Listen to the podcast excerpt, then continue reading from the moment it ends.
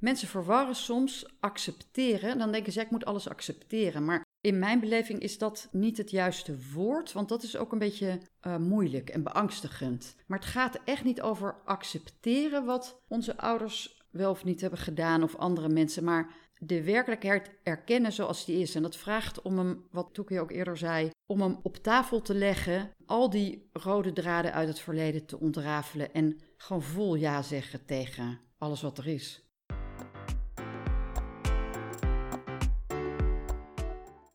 Welkom bij Ontrafeld, de podcast. Ik ben Fiona Koek en als systemisch coach begeleid ik vrouwelijke leiders die de balans kwijt zijn doordat ze te veel ballen in de lucht houden. Ik help jou om patronen te ontrafelen, zodat je ook nare ervaringen uit het verleden in de toekomst kunt gebruiken als kwetsbare zachte kracht. Met Ontrafeld, de podcast, is het mijn bedoeling om jou te inspireren om je hele zelf te laten zien. Omdat ik geloof dat de wereld daar mooier van wordt. Zoals ik dat ook heb gedaan in mijn eigen boek, Ontrafeld, bevrijd door anders te kijken naar mijn patronen. In alles wat ik doe durf ik tegenwoordig mijn kwetsbare kant te laten zien. En dat voelt vrij.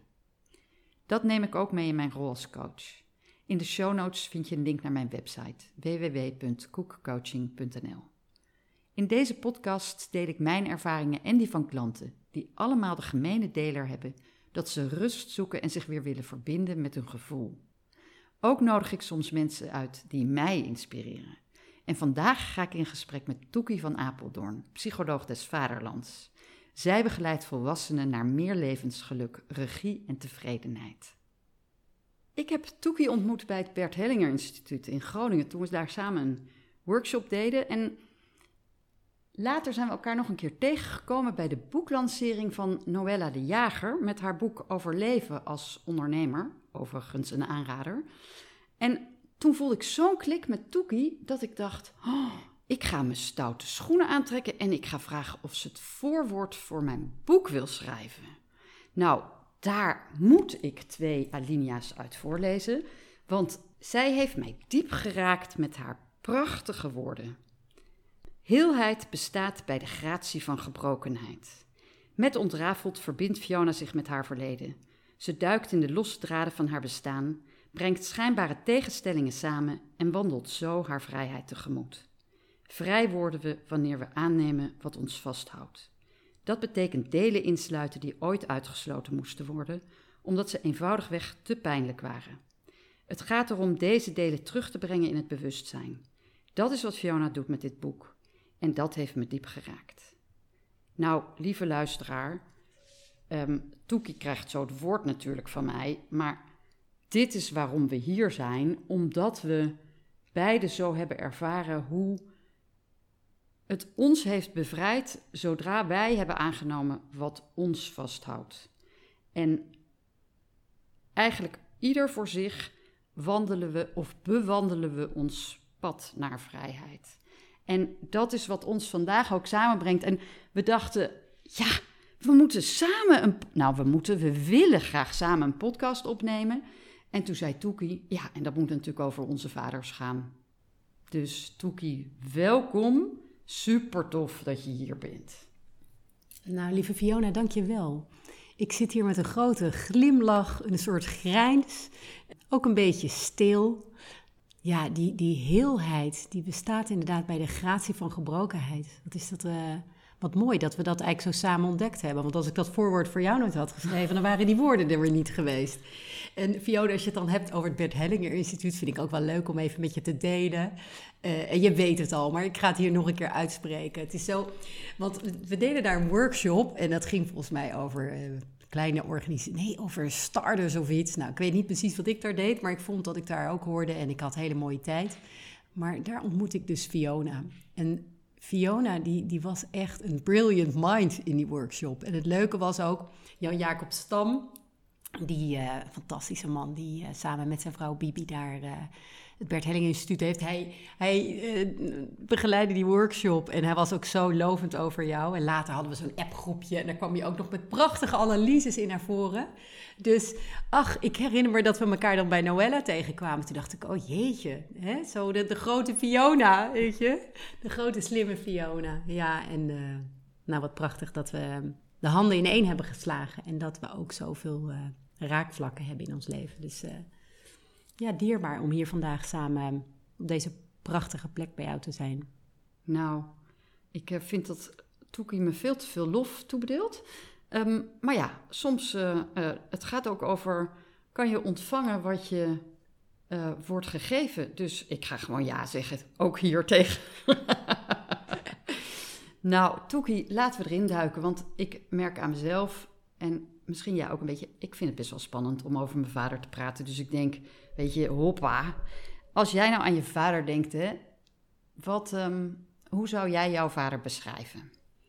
Ja, het eerste, het eerste wat me eigenlijk te binnen schiet is dat het een family man is. En hmm. dat hij uh, ervan houdt om uh, met zijn dierbaren te zijn. En dat klinkt meteen een beetje tegenstrijdig. Daar komen we zo wel op. Maar ik zie mijn vader als een, um, als een joviale man, als een beetje een, um, ja, ook wel een levensgenieter. Joie de vivre. Uh, ook als een harde werker. Hij was notaris, net als mijn opa. En ja, hij werkte ook altijd hard. Was gefocust. En wat, wat ik stiekem heel leuk vind, wat ik, waar ik ook meteen aan moet denken, dat als ik met mijn vader in een restaurant zit en ik kan dat ook doen, dan gaat hij zo kletsen met de ober. Dan gaat hij zo'n praatje aan. Hè? Dat je soms kunt denken, nou, uh, nou is wel genoeg, hou maar op. Maar weet je, dan gaat hij zo zijn enthousiasme delen. En ook vragen naar die ander en weet ik wat. Dus dat is wel, um, ja, dat zijn zo'n beetje de eerste dingen die me te binnen schieten. Als ik aan mijn vader denk. En jij dan? Nou, ik hoor jou praten en ik denk, oh, onze vaders zouden misschien best uh, goed met elkaar door één deur hebben gekund. Mijn vader is al uh, twintig jaar geleden overleden. Jouw leeft nog, hè? Zeker weten, ja. Ja. En op weg naar deze uh, middag toe, dat we deze opname maken, maakte bij mij ook wel los. Weet je, wat voor man was mijn vader nou? En precies wat jij zegt, diezelfde woorden kwamen in mij op. Family man, maar dat is ook een beetje tegenstrijdig. Maar ook, um, ja, het beste wat bij hem past om hem te omschrijven is charmant. Hij kon ontzettend goed verleiden, maar hij kon zich ook goed laten verleiden. En hij was enorm ambitieus, durfde daarin veel risico's te nemen, maar heeft ook wel ja, naïeve stappen gemaakt in zijn leven. En soms onbezonnen of um, ja, vanuit zo graag grote dingen willen doen, keuzes gemaakt waarvan wij, mijn broers en ik, en misschien mijn moeder ook wel een beetje, achteraf denken: hmm, je had het ook wel een beetje klein mogen houden. Maar mijn vader dacht groot en dat is een understatement. en als ik daar dan, weet je, over nadenk, dan denk ik: ja, dat heeft natuurlijk ook wel wat um, gedaan met de relatie die je met je vader hebt. Dus ja, nou echt misschien daarvoor nog wel. Weet je wat, als jij jouw relatie met jouw vader of misschien wel wat daar aan vooraf is gegaan of ja, hoe was jij met je vader?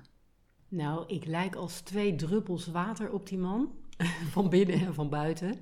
Lieve luisteraar, dan moet het een heel aantrekkelijke man zijn.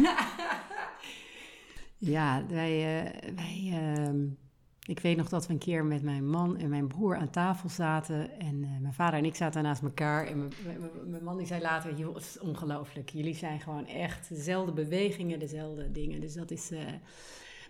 Ja, dus ik, ik lijk op mijn vader. Ik heb uh, heel veel gemeenschappelijk met hem. Ja, en hoe is onze relatie? Dat vroeg je. Ja, ik ben heel... Ik heb als kind veel met hem gedaan, weet je. En... Um... Maar ik vind het wel eerst belangrijk om te zeggen dat ik hem nu alweer zes jaar niet heb gezien. En ja, toen ik uh, ehm, 13 was, zijn mijn ouders uit elkaar gegaan. En uh, die scheiding was niet mals, zullen we maar zeggen. Hè, die paste heel goed in het boekje vechtscheiding. Hè, om, ik hou eigenlijk niet van, die, uh, van dat soort titels uh, of dat soort labels. Maar goed, hè, dan snappen we allemaal een beetje hoe het ging. En ja, dus mijn relatie met hem was en is eigenlijk heel close. Dankzij dat of ondanks dat, hoe je het noemen wil. En het is wel zo dat doordat hij ja, eigenlijk toch ook een heel groot deel niet in mijn leven is geweest. In de zin van eh, het aardse leven, zullen we maar zeggen. Hè? Eh, bij mijn diploma-uitreiking. En hè, dat ons contact een beetje af en aan is gegaan. Is het ook wel zo dat, ehm, dat ik me ook realiseerde, zo naar aanleiding van dit gesprek, dat ik dacht: ja, mijn eigen waarde is ook wel uh, op een heel laag pitje komen te staan. En ik weet nog dat ik als kind dan wel tegen mijn vader zei van ja, hè, zo, ik, ik weet niet of hij kwam met het woordje waakvlam of dat ik dat zei, maar dat ik wel zei, ja, als, ik, als we op de waakvlam staan, die kan ook uitgaan. En ik, ik kan wel heel erg voelen dat, ja, dat, dat ik wel ook een knieval daarin heb gemaakt. En dat ik dacht, ja, als mijn vader mij niet wil zien of als we geen contact hebben, weet je, wat ben ik dan waard? En dat je wel, dat is wel een hele reis geweest voor mij. En, en in dat opzicht kon ik mij in de basis veel makkelijker verbinden met mijn kwetsbaarheid. Uh, in plaats van met mijn kracht. En gelukkig is daar uh, ongelooflijk veel in veranderd. Maar dit is wel, uh, de eerlijkheid gebiedt me wel dat zo te vertellen, ja. Dat was best een, een fikse reis, zullen we maar zeggen. Wat ik daarin wel heel erg tegenkom, is de, de combi van het spirituele en het aardse, zeg maar. dat je zo, spiritueel voel ik me heel erg verbonden met hem. Ik kan zijn liefde voelen, ik kan zijn steun voelen, ik kan voelen dat hij trots op me is. Ja, en aards zien we elkaar niet. Dus dat zijn wel ook twee lagen. En dat vraagt ook verschillende dingen, zeg maar. op het, in het spirituele is alles rond en in het aardse, ja, heb ik ook gewoon mijn tranen daarover te huilen. Ja, punt. Eigenlijk, dat, dat dus. Mm. Ja, ja. Ja, en ik, Fiona, als jij zo aan een relatie met je vader denkt, wat, wat, wat komt er dan bij jou uh, boven? Nou, ik, ja, ik had vanochtend nog een uh, gesprek met iemand over mijn vader. En die zei, ja, je hebt toch wel een um, bizarre jeugd gehad. En toen dacht ik, een bizarre jeugd, vertel, hoe ziet de buitenwereld dat? Want ik heb het um, uh, beleefd, maar hoe is dat voor een buitenstaander? En hij zei, nou, jouw vader die had wel de neiging om alles echt heel groot te maken. Dus mijn vader die, uh, ik heb uh, vier broers, levende broers. Mijn ene broertje is overleden toen hij vier maanden oud was. Die is wat ouder dan ik, dus die heb ik nooit gekend. En mijn vader was zo blij dat hij eindelijk een dochter had. Die plaatste mij op een pedestalletje. En ik was echt zijn prinsesje. En mijn vader had echt zo'n heel um, ja, rijk, letterlijk internationaal zakelijk bestaan. Dus als mensen dan bij ons op bezoek kwamen, dan wilde hij ook dat ik een kniksje maakte. En dat ik me echt als keurig meisje gedroeg. Ik mocht geen lange broeken aan naar school tot de middelbare school. Niet vanuit religieuze overwegingen, maar omdat mijn vader zei: Ja, ik heb één dochter en ik wil gewoon het verschil zien. Maar ja, in dat alles, mijn vader met zijn, zijn enorme ambitie, zijn grootheidsideeën en had huizen op verschillende plekken. Geld rolde, hij had mooie auto's. Hij liet ook graag zien wat hij allemaal had. En ik vond dat soms ook wel ingewikkeld. Ik had ook wel dat ik dacht, nou, daddy, je mag ook wel gewoon doen. Mijn vader was Engelsman, dus ik noemde hem daddy. Als kind wil je er gewoon bij horen en wil je helemaal niet graag anders zijn. En de manier waarop hij uh, mij behandelde maakte mij wel echt anders. Maar ook met het gevolg dat ik in dat prinsesje ook wel echt een vadersdochter ben. En met vier broers. Ik ben gewoon helemaal opgegroeid in de mannenwereld. En mijn vader had daarin ook nog eens een keer, daar heb ik over geschreven in mijn boek, was best grensoverschrijdend in zijn gedrag. Wat ik verwarrend vond. Want uh, ik zal nu niet op de details ingaan, maar hij kwam gewoon eigenlijk iets te dichtbij. Maar als meisje realiseerde ik me dat natuurlijk niet goed. En, en het voelde ongemakkelijk. Dus het was ook verwarrend. Want aan de ene kant wilde ik niets liever dan dat mijn vader mij zou zien zoals ik was en van me zou houden om wie ik was. En aan de andere kant wilde ik dat hij niet te dichtbij kwam. En pas na zijn dood ben ik daar veel meer naar gaan kijken. Dus eigenlijk tot die tijd voor een buitenstaander, die kon alleen maar zien dat mijn vader zielsveel van mij hield. En, en ik vond het in een moeilijke situatie. En doordat de relatie met mijn vader zo was uh, en ik zo naast mijn vader stond, ben ik ook minder in staat geweest om mijn moeder helemaal te nemen als moeder. Dus ik kan met terugwerkende kracht zien hoe ik graag de dingen onder controle wilde houden in het leven. Ook zo graag het goed wilde doen in de ogen van anderen altijd de ogen van anderen op me gericht voelde. Dat had enerzijds te maken met dat wij van huis uit ook wel keeping up appearances, hoe, wat mhm. denken mensen van ons. Maar ook wel, uh, weet ik nu, dat dat komt omdat ik niet heel was in de relatie met mijn moeder. En al die ogen van anderen, dat waren gewoon de ogen van mijn moeder. En ik wilde het, ik wilde het gewoon heel graag goed doen in de ogen van mijn ouders. En daaronder zat, ik wilde gewoon dat ze me lief hadden om wie ik was.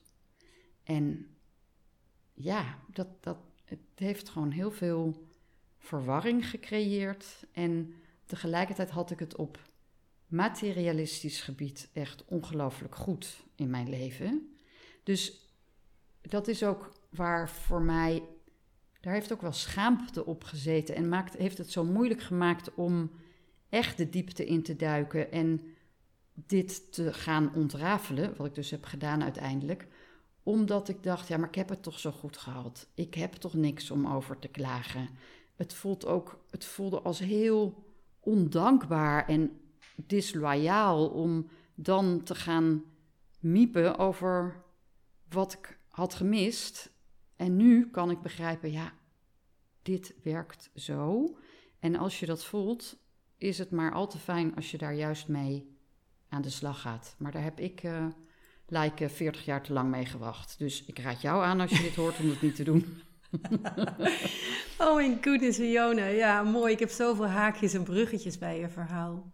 Weet je, sowieso heel fijn dat je onze moeders erbij haalt. Mm. Jouw moeder, en dan is mijn moeder daar ook meteen.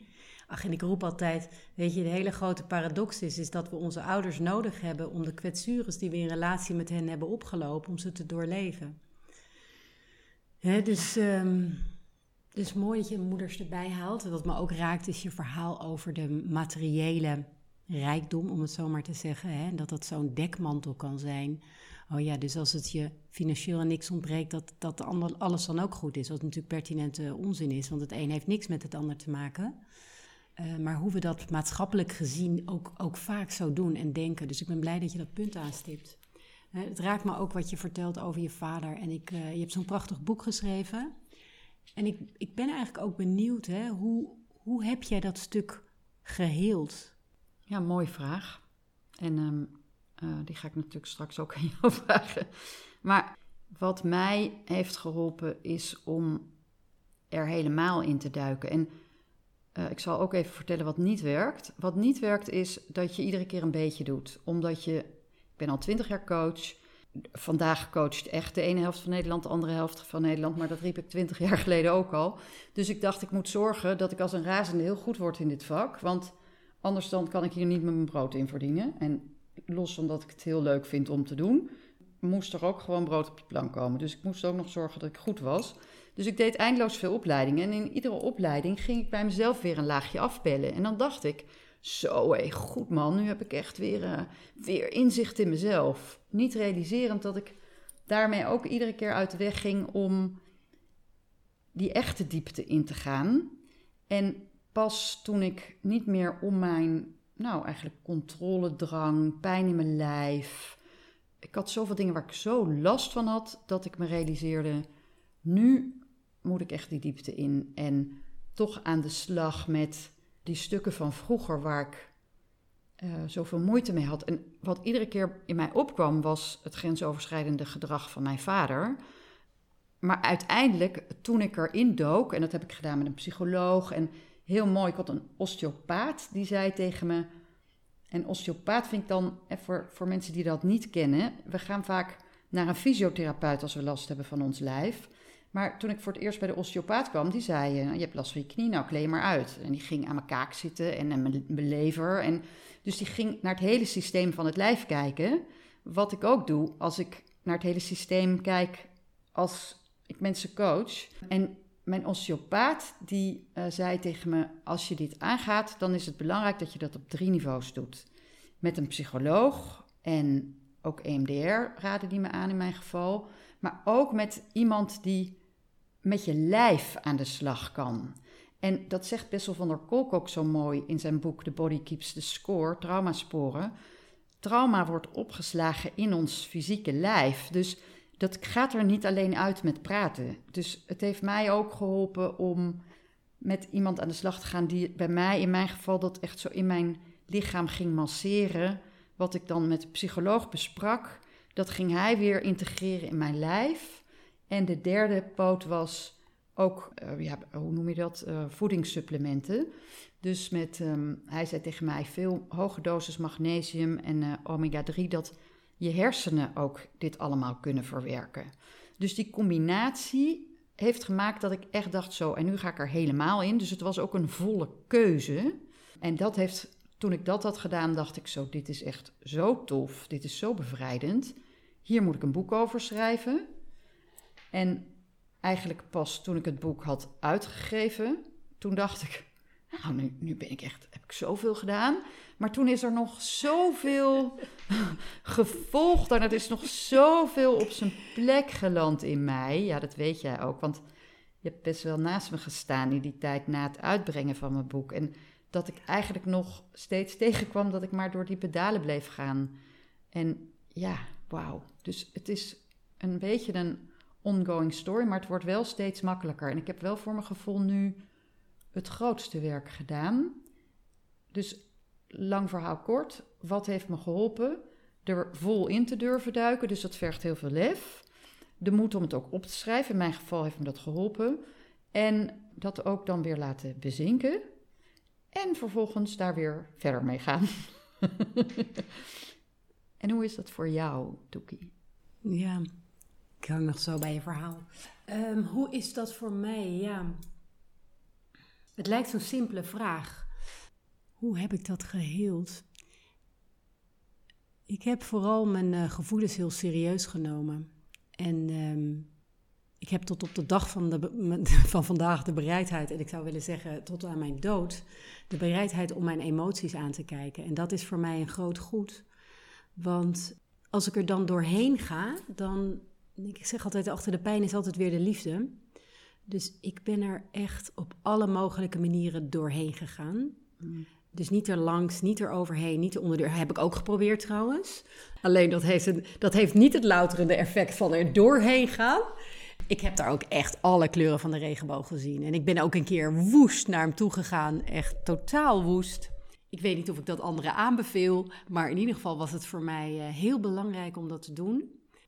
Ja, dat, dat maakte ook wel dat ik beter samen kon vallen met mijn realiteit. En ja, dat was ook, ook een pijnlijke exercitie om dat te doen. En uh, mijn vader die de deur uh, dicht deed. Maar wat me geheeld heeft, is door, door al die emoties heen te gaan en te voelen dat er dan alleen maar liefde overblijft eigenlijk. Dwars, met en door, dankzij de pijn. Wauw. En wat nog, wat ik niet helemaal begrijp, mm is je vertelde eerst zo heel liefdevol over je vader. En toen dat jullie geen contact meer met elkaar hebben. Wat zit daartussen? Where did nou, it go wrong? Ja, weet je, dat is wel iets waarvan ik het ook niet zo makkelijk vind om het te duiden. Hè? We hadden ook um, even zo naar de aanloop van dit gesprek over het van wat vind je moeilijk om ja tegen te zeggen. En dat is wel. Ik had het over dat onderscheid tussen dat spirituele en dat aardse stuk. En uh, ja, where did it go wrong? Ik weet niet eens of het wrong ging. Dat klinkt heel raar, maar dat kan ik alleen maar nu zeggen, hè? nu ik zo verbonden ben. Want als ik meer in dat andere stuk zit, dan, dan denk ik dat wel. Maar nu kan ik dus zo het complete plaatje voelen. En dan denk ik, ja, dit is gewoon de bedoeling. Hè? We hebben het wel eens over lot. Om mijn hals hangt een medaillonnetje met de tekst Amor Fati, liefde voor het lot. Daar zitten mijn ouders in. Nou, als die dicht gaat, kussen ze elkaar. Dat lot is natuurlijk onze realiteit. En dit is onze realiteit. En ik heb in het verleden heel erg uh, graag gewild om mijn realiteit te veranderen. En op een dag kwam ik erachter en dat heeft me zo veel gebracht dat ik denk, ja, alles klopt. Alles is zoals het zijn moet. En dat geeft me heel veel rust. En dat betekent niet dat ik alles leuk vind, maar dat betekent wel dat dit het is. Dus wat ik dus, en, en toch wat ik ook niet makkelijk vind, is om te bedenken van ja, hoe zit dat nou? Wil hij mij niet zien? Wil ik hem niet zien? Wat is nou het verhaal? Ja, dat, dat, daar kan ik eigenlijk niet eens goed antwoord op geven. En ik zou bijna zeggen, gelukkig stel ik me die vraag ook niet meer zo vaak. Want ergens gaat het ook over schuld en onschuld, weet je. En het, het doet ook niet zoveel. Dit is, dit is zijn lot leven, dit is mijn lot leven. En hier hebben we het mee te doen. En dat vind ik niet makkelijk. Dat is hmm. wel iets, uh, ja, wat, wat, wat, ik niet, wat, wat ik zeg wat ik niet makkelijk vind, wat is dan het verhaal? Dat is ook soms. Ik heb het geluk dat ik een heel kort lijntje heb met wie buffetbaas. Oh, en uh, dat hij zo kan bellen en alles. En ik heb het hem ook wel eens gevraagd. En dan zegt hij heel wijselijk niks. Wat ik dan ook wel weer mooi vind. Dus ik denk van ja, weet je, in de diepte gaat het daar namelijk helemaal niet over. In de diepte gaat het erover hoe, hoe kunnen we elkaars liefde wel voelen, weet je. En uh, nou, ja. Dus waar heb jij ja tegen te zeggen? Ieders lot. Ja, tegen alle emoties die erbij komen kijken. Weet je, mm. boosheid, verdriet, alles. En dat, is, dat vind ik ook echt heel belangrijk. En ik geloof zelf niet zo goed dat we dit uh, kunnen voorkomen en dat we dit dan twintig jaar van tevoren hadden kunnen doen. Ik heb het idee dat het een soort wasmachine is en al die voorwasjes. Hè? Het is net als, ik, uh, ik heb zelf dan nooit kinderen gekregen, maar jij wel. Dus misschien kun jij daaraan relateren. Hè? Dat, dat al die weeën, die, die leiden op een gegeven moment tot ontsluiting. En, en misschien denk je dan dat dat de tiende week is. Bij, de, bij iemand anders is dat de veertigste week, weet ik niet. Maar ergens moet je 10 centimeter hebben, geloof ik. En dan komt het eruit. Dus ja, ik zie dat alles daartoe bijdraagt. En dat, dit ook hmm. ons, dat het ook leven is. Dat we dit dus allemaal meemaken. En, en de een maakt dit mee en de ander maakt dat mee. En dat is... Uh, ja, en dan ergens op een moment heb je zo'n soort ontsluiting, zo'n soort plateautje, net als bij een, een, game of zo, dat je dan een bepaald level aantikt. nou ja, en wat je ook zei, hè, je had je boek geschreven, toen kwamen er nog allerlei levels. Ja, ik zie het ook als een ui die je gewoon afpelt en dat er elke keer wat nieuws is. En, uh, ja. Ja. On, uh, voortschrijdende inzichten, zeg maar. Ja. Maar ik ben het wel met je eens. Er is wel ergens zijn er van die plateautjes. Dat je voelt, hé, hey, wacht even. Nu heb ik iets wezenlijks, ben ik doorheen. Ja. En dan zijn er weer wat stapjes. Ik kom weer op zo'n plateautje. Ja, maar je komt wel, je, je maakt ook met je hand een gebaar van een hoger plateautje. Dus wel lekker dat je, in mijn beleving, dat ik iedere keer anders omga met de uitdagingen die op mijn pad komen. Want mijn vader is al twintig jaar geleden overleden, maar het is hem ongelooflijk goed gelukt om te zorgen dat we um, hem nog heel dichtbij houden. Want ik heb hier een aparte podcastaflevering over gemaakt. Nou, luisteraar, als je daar nog niet naar hebt geluisterd, kan ik aanraden. Mijn vader had nog wat uh, extra zaadjes uh, geplant. Dus wij uh, hebben, mijn familie oh, en ik hebben sinds begin 2023 een um, tot dan toe nog onbekende halfbroer en halfzus erbij. Van een andere moeder. Eentje uit Parijs en eentje uit Limburg. En die hebben we vol in ons familie gesloten. Tenminste, wij, mijn broers en ik we dachten, nou, we gaan er maar gewoon vol ja tegen zeggen. En whether we like it or not, ze zijn familie. Nou, ze zijn nog leuk ook, dus dat is mooi. En mijn lieve moeder, dat vind ik echt wel echt heel knap. Die zei vanaf het allerbegin, ik wil ze wel ontmoeten. En toen zei ik, hè?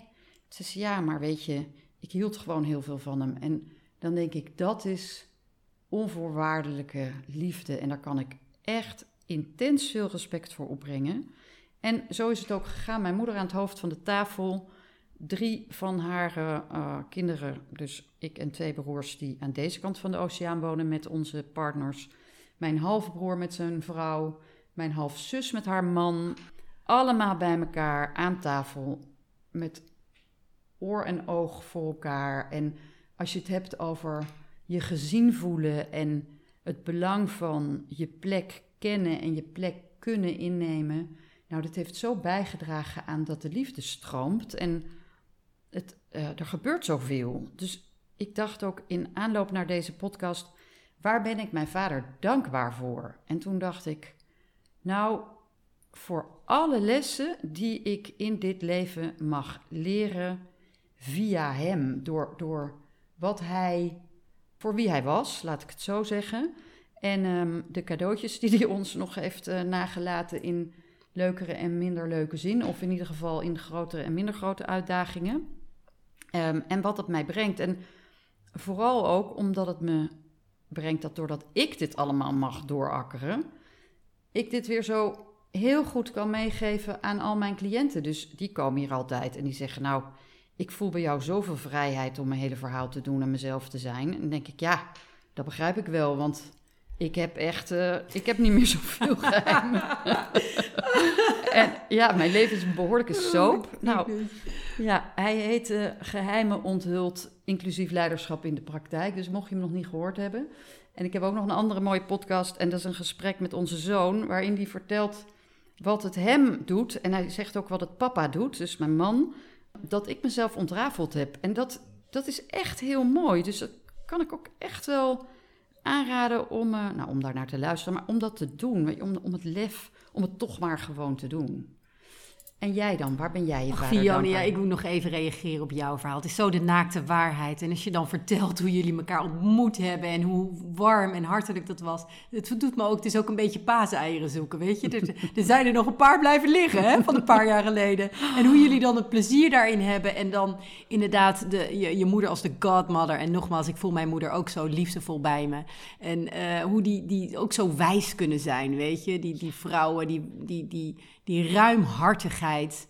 En dat is toch, ehm, ja, weet je, op het moment als we op die laag vertoeven. En nogmaals, ik ga helemaal niks goed praten, want ik, uh, ik, uh, ik ben er ook woest over geweest en alles. En ik wil jou als luisteraar ook aanbevelen om door al die kleuren van de regenboog heen te gaan.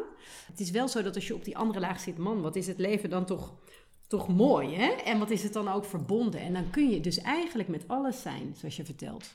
Want laten we wel wezen, het is wel bijzonder hoe jullie dat hebben omarmt. Nou, en dat is, en ik moet even, ik moest net terwijl je aan het vertellen was, uh, wil ik wel iets uitspreken. Mensen verwarren soms accepteren. Dan denken ze, ik moet alles accepteren. Maar in mijn beleving is dat niet het juiste woord, want dat is ook een beetje uh, moeilijk en beangstigend. Maar het gaat echt niet over accepteren wat onze ouders wel of niet hebben gedaan of andere mensen, maar de werkelijkheid erkennen zoals die is. En dat vraagt om hem, wat Toekie ook eerder zei, om hem op tafel te leggen, al die rode draden uit het verleden te ontrafelen en gewoon vol ja zeggen tegen ja, alles wat er is. Zoals het is. En dan, ja, dan word je wijzer en dan komen er nog wat extra siblings op je pad. En dan denk je, nou, daar zeg ik ook maar ja tegen. Ja. Ja, dat is mooi dat je dat wel even benadrukt. Het gaat inderdaad, ik hou ook niet van het woord accepteren. Het voelt een beetje als een gans die je dan vol, uh, die je dan. Weet je, ik ben veel meer van ja, aannemen. En, en aannemen, dat klinkt dan fijner met uh, cadeautjes en dingen, maar ook aannemen van het negatieve. En dat is dan ook een beetje je hoofd buigen. Het is ook wel voelen dat je gewoon niet zoveel in te brengen hebt op sommige lagen. En dat dat gewoon een feit is. Hè? Je hebt zo'n prachtig ding, volgens mij gebruiken ze bij de AA ook. God learn me the difference between what I need to accept and what I can change. Ja, weet je. Dat is gewoon je kopie buigen. Ja, ja, het is zo mooi om. Uh, als we naar een afronding gaan, hè, wat zou jij dan mhm. voor tips willen meegeven als je kijkt naar de invloed van onze vaders aan mensen die luisteren? Nou, ik vind het nog wel leuk om voordat we dat doen, als dat oké voor je is, om nog iets te zeggen over waar ik dankbaar voor ben. Ja, oh ja, zeker. Ja, graag zelfs. Want, nee, nee, no worries. Waar ik dankbaar voor ben, is dat ik Ehm, ja, ook zulke fijne herinneringen aan mijn vader heb. En ik, ik heb eigenlijk ook nog, voor we afsluiten, ook nog een andere vraag. Goed zo. lieve luisteraar, we gaan nog ietsje langer door. Ehm, ja, dus waar ben ik dankbaar voor? Ik, uh, ik heb fijne herinneringen ook aan mijn vader. En um, mijn broer overleed uh, toen hij net tien was. Nee, ik was net zeven en hij was nog tien, zo moet ik het zeggen. En die verongelukte. Dat was van een kinderfeestje op weg naar huis. En ze waren bij het zwembad geweest. En mijn vader zat in het bestuur van hetzelfde zwembad. En waar ik hem dankbaar voor ben en waar ik ook mooie herinneringen aan heb, is dat ehm, hij in dat bestuur zat. En naast het zwembad was er een midgetgolfbaan. En ik ben oneindig vaak met hem naar die midgetgolfbaan gegaan. Echt, in mijn herinnering echt een paar keer per week. Uh, ik zal het nog eens navragen bij mijn moeder. Maar een paar keer per week gingen we daar naartoe. En ehm, dan had ik altijd de meeste moeite met dat ding, die, waarbij die in dat net moest. Weet je, dan moest je zo'n ros geven natuurlijk. Nou, en ik was zo'n klein smurfie van 7, 8, 9, zeg maar. En ik heb ook nog een keer een, een uh, beker gewonnen daar. Die prijkt nu uh, op mijn bureau in mijn studeerkamer. Dus um, ik ben dankbaar ook voor de dingen die ik samen deed met mijn vader. Mijn vader heeft veel hard gelopen. Ik uh, ging als meisje dan op de fiets achter hem aan. Ik ben het later ook zelf gaan doen. We zijn samen de marathon van New York gaan lopen. Uh, hand in hand over de finish heen gegaan. Dat was nog een mooi verhaal, want uh, we hadden samen uitgebreid geoefend. En uh, ik wilde graag onder de vier uur. Dus ik had aan het einde nog een beetje een speurt getrokken. Want ik dacht, ja, dat red ik nog. En mijn vader had te veel kleding aan. Dus die had het veel te warm. Dus die ging iets minder goed. En, uh, maar toen stond ik daar en toen was het net voor Toen dacht ik, ja, maar hoi eens even, ik wil wel samen over de finish. Dus toen ben ik daar voor die finish blijven staan. Wat niet makkelijk is met die Amerikanen. Want die roepen dan, hey madam, you have to go. I'm waiting for my dad. Weet je, en toen zijn we hand in hand de finish overgegaan. Dus daar ben ik hem ook dankbaar voor, het hardlopen. Maar ik heb ook een mooie herinnering dat we als kind, mijn opa en oma van zijn kant hadden een boerderij in Friesland op een dijk. Dan mochten we, mijn broers ook, dan mochten we zo dat laatste stukje, hè, want je reed dan over die dijk met die schapen. En om dan naar die boerderij te rijden, want er was verder helemaal niks op die dijk. Alleen eh, de boerderij en nog een klein huisje daar tegenover van de dominee. En dat laatste stukje had je zo'n klein hellingje naar beneden naar de, naar de, naar de boerderij. En dan mochten we dus bij hem op schoot zitten. En dan mocht je zo dat stuurbeet pakken. En dan had je het idee dat je kon autorijden. Ach, dat zijn van die warme herinneringen, weet je. Dus daar word ik heel gelukkig van. Ik ben hem ook nog dankbaar voor zijn ondernemingsspirit. Want uh, die doet me these days ontzettend goed. Het was een dijk van een uh, notaris. Hij had een waanzinnig mooie carrière. En um, dus daar inspireert hij me ook in. Nou, dat herken ik ook in jou. Dat, dat um, ondernemerschap en het echt ervoor gaan. En vooral ook uh, wat ik uit je verhaal haal, is de humor en de, zijn optimistische kijk op het leven. Is dat een goed uh, woord? Ja, ik denk dat het wel een goede is, ja. Zeker. Dat is, wel, dat is wel waar. En tegelijkertijd bij optimistisch moet ik ook wel denken... ja, hè, mijn geliefde oma, ze werd 101... Uh, en, en, en, mijn vader, ze konden wel ook de boel wegpoetsen. Hè? Dus mm. daar kun je ook heel optimistisch van worden als je doet alsof alles er niet is. Hè? Dus ik wil wel graag daar ook een nuance in, uh, in aanbrengen. En ik, ja. heb, ik heb nog een vraag voor je, Fiona. Wat uh, vind jij niet zo makkelijk aan je vader? Dat is natuurlijk een mooie ode aan onze vaders vandaag. Maar ja, laten we wel wezen, they're not holy, definitely not. Dus wat, wat vind jij niet zo makkelijk aan je vader? Vond, vindt... Ik vond het echt moeilijk hoe uh, streng hij was voor ons. Dus dat die vorm wel voor het, de gezelligheid ging. En dat hij als ik vertelde dat ik, uh, dat heb ik natuurlijk één keer gedaan en daarna nooit meer, maar dat ik verliefd was, dan was de vraag: wat doet zijn vader? Dus dat was een beetje altijd waar er naar werd gekeken. Weet je, hoe, wat doet iemand? Welke successen behaalt iemand? Dus mensen werden wel heel erg in uh, goed en fout uh, gestopt, voor mijn gevoel. En um, ja, zijn grensoverschrijdende gedrag vond ik, heel, vond ik echt wel moeilijk. En dat hij tot op het laatst, je, dat het, dat het niet goed genoeg was. Dus dat hij ook is doorgegaan totdat hij letterlijk omviel met nog proberen. Mijn vader kon echt enorme business deals doen, maar hij kon ook enorm verliezen en falen. En nadat hij een enorme neerwaartse klapper had gemaakt, wilde hij dolgraag het nog één keer goed doen. En dat is hem niet gelukt. En dat, dat doet me gewoon wel verdriet dat hij zo strijdend ten onder is gegaan en uh, niet wist wanneer goed goed genoeg was. Ach ja, dan heeft hij ook zo die, die, die filter van hemzelf ook over jou heen gelegd. Hè? Ja. Dan kun je ook zo dat mededogen weer voelen van jou ook. Uh... Ja, dat zeg je goed. Ja. ja. En jij? Nou, wat ik niet makkelijk uh, vond, is dat het niet zo makkelijk was om een goed gesprek te voeren. In de zin van om, um, ja, om het over emoties te hebben. En ik moest echt helemaal aan gort zijn. En dan kon het wel. En dan, dan was hij er en dan konden we een goed gesprek hebben.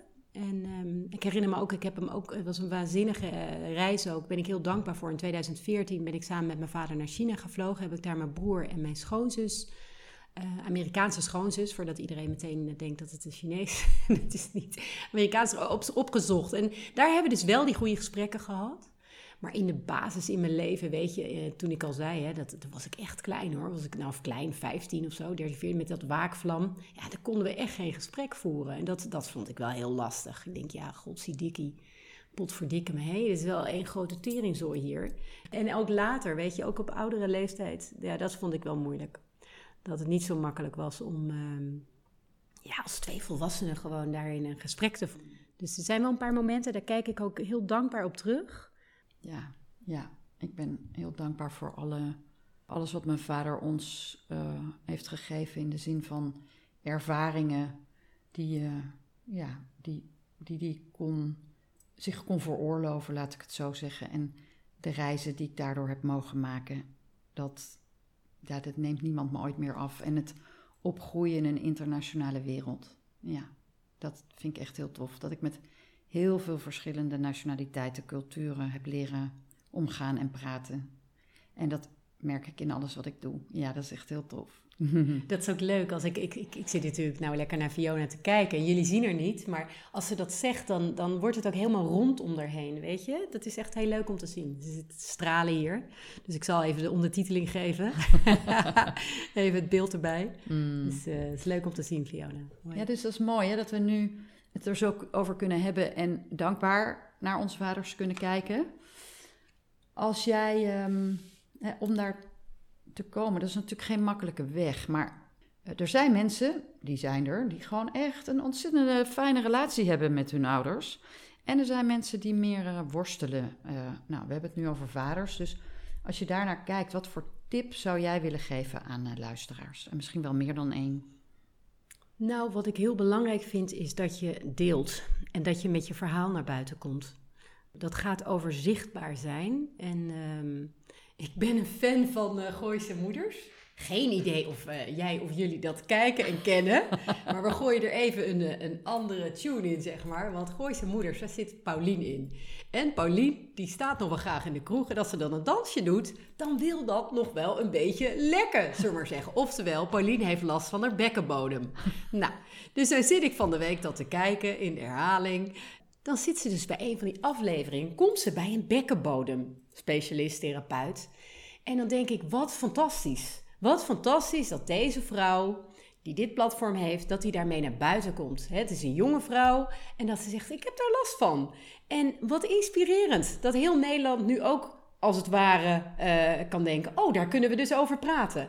dus het is niet alleen inspirerend voor je omgeving, het is ook voor jezelf een soort van bevrijding, een soort opluchting. Weet je, we maken allemaal pijn en verdriet en ongemak mee. En of dat nou je bekkenbodem is die niet doet, of uh, je partner die overlijdt, of je kind wat ziek is, weet je.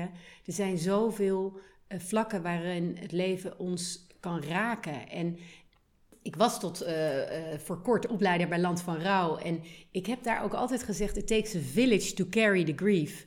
Dus laten we met z'n allen naar buiten komen met onze verhalen. Dan kunnen we dat samen dragen, dan kunnen we dat delen. En dan mag dat er gewoon zijn. Want alles wat er mag zijn, ja, verliest als het ware zijn, zijn, zijn, zijn greep, om het zo maar te zeggen. Dus deel het, kom ermee naar buiten, dat is één. En het andere wat ik ook heel belangrijk vind, is uh, verbind je met je verlangen. Spreek het uit, schrijf het op. En of je het nou voor jezelf uitspreekt of met anderen deelt, maar verbind je met je verlangens. Want je zult zien, er is veel meer mogelijk dan je misschien denkt. Dus ja, ik zou zeggen, verlang weer en uh, breng dat ook naar buiten. Prachtig. En ze zeggen ook wel, het brein kan geen onderscheid maken tussen of het waar is of niet. Dus als jij denkt, je inbeeldt dat je die citroen nu in je mond hebt, dan trekt je mond een beetje samen. Dus als jij je helemaal verbindt met je verlangen, dan wordt je brein al helemaal blij om, om, dat, om dat beeld. En dan, je brein weet het verschil niet tussen is het waar of is het niet waar. Dus dan ga je alvast die hormonen aanmaken die, die jou weer blijer maken. En dus dan kom je in zo'n opwaartse spiraal terecht. Dat heb ik ook echt gemerkt. Dus die kan ik, uh, ja, oh, mooi dat je dat zegt. Fiona, ze zouden dit toch op school moeten leren gewoon? Dat er een vak is, uh, verbind je met je verlangen. En dat je dan gaat manifesteren en opschrijven en delen en voelen en praten. En, uh, ja, maar überhaupt praten. Dat, dat, zou echt op, op scholen als vak moeten, vind ik hoor. Want ik vind het, het is eigenlijk zo'n ja, ik wou zeggen, het is een simpele truc. Maar het is zoiets simpels. En ik denk echt dat we daar met z'n allen veel te weinig gebruik van maken. Zeker, dus prachtig. En jij, wat zijn jouw. Nou, wat ik wel um, wil zeggen uit, door mijn eigen ervaring is dat een aantal dingen. Ik dacht, het ligt aan mijn vader. En doordat ik zo die focus had op mijn vader, ben ik ja, mijn moeder een beetje uit het oog verloren. Terwijl wat zo belangrijk is voor ons als vrouwen, is om ons juist, wat we systemisch zo mooi noemen, in te ordenen in de vrouwenlijn. Maar juist je te verbinden met je moeder en je grootmoeder en je overgrootmoeder. En juist die vrouwelijke kracht weer opzoeken. Want in de vrouwelijke kracht ligt de zachtheid en het voelen, verbinden met je hart, het überhaupt verbinden, de wijsheid en de mildheid, het mild kijken naar jezelf en anderen. En dat heeft mij zo gebracht dat ik me op een totaal andere manier kan verbinden met, nou, met mijn moeder, maar met mijn lief, die al waar ik al ruim 30 jaar mee getrouwd ben. Maar met alles wat ik doe. Dus ik voel zoveel meer de zachtheid in mezelf. En als je het hebt over leiderschap en eigen leiderschap, ja, dat is voelen daar zo'n essentieel onderdeel van. Want dan kan je zoveel beter uitdrukking geven aan. Ja, je kunt voelen wat je verlangt en dan kan je het ook nog eens een keer uitspreken. En dat maakt het fijn voor jezelf en voor je omgeving, want dan wordt het puur en heel liefdevol. En dan is ook je kritiek, zo je wilt, for lack of a better word, maar dat, uh, dat krijgt dan, dat, dat landt dan in zo'n zachte bodem. Dus terug naar het voelen en je moeder, juist ook als je wat te doen hebt met je vader. Prachtig, love it, weet je. En dan zijn ook de moeders van onze vaders er meteen en onze eigen moeders natuurlijk. Ik vind het echt prachtig. En, en wat ik ook zelf zo ervaar, is dat je dan in balans bent, weet je. Als vader en moeder, als kracht en kwetsbaarheid, als mannelijk en vrouwelijk, als alles er kunnen zijn, dan is er balans. Dus ja, mm. prachtig wat je zegt. Nou, lijkt me echt een heel mooi moment om, om naar een afronding toe te gaan. En lieve Toekie, ik heb in de, aan het begin van deze podcast al even verteld wat ik doe en hoe je mij kunt vinden. Maar hoe kunnen mensen jou vinden als ze gewoon iets meer over jou willen weten? Want jij met altijd, wat Toekie doet, dus ze heeft altijd van die prachtige metaforen. Ik weet niet uh, of jullie daar ook zo op aangaan, maar um, ik ga daar echt op aan. Dus ze is een mooie storyteller en ze, ze, is ook leuk om te volgen in de socials. Maar hoe vinden mensen jou? Nou, ik ben tegenwoordig steeds meer in de tuin. Dus, uh... Wandelend met de oh. hond. Ja. ja. nee, ook echt in de tuin. Hè? Ik echt, mm. mijn moeder heeft gigantisch groene vingers en uh, ik krijg ze met de dag meer. Dus ik ben veel in de natuur te vinden, kan ik jullie van alle aanbevelen. Maar uh, nee, buiten dat, um, je kunt mij vinden op mijn website www.toekievanapeldoorn.com. Ik ben actief op LinkedIn. Daar deel ik regelmatig berichten, ook video's. Dat doe ik ook op Instagram. En uh, nou ja, op mijn website staan ook podcasts, video's, uh, artikelen, dingen, de hele rambam. Dus um, neem een kijkje, zou ik zeggen. leef je uit, zou ik zeggen. En voordat ik Toekie kende, dacht ik, hoe schrijf je Toekie? Nou, gewoon T-O-E-K-I-E, -E, fonetisch. en ik zal natuurlijk die link ook in de show notes zetten. Lieve mensen, super tof dat je er weer bij was. Een wat langere aflevering dan je van me gewend bent. Maar ja, we zitten hier ook gewoon heerlijk met z'n tweeën over een prachtig kwetsbaar onderwerp te praten. En dat kunnen we natuurlijk niet afraffelen, want dan doen we onze vaders tekort. Dank jullie wel. Onwijs dank je wel, lieve Toekie. Ach, een feestje om dit met jou te kunnen doen. Van Bert Hellinger Instituut naar Noelle de Jager, naar voorwoord van mijn boek, naar samen een podcast. Wat een mooie bruggetjes.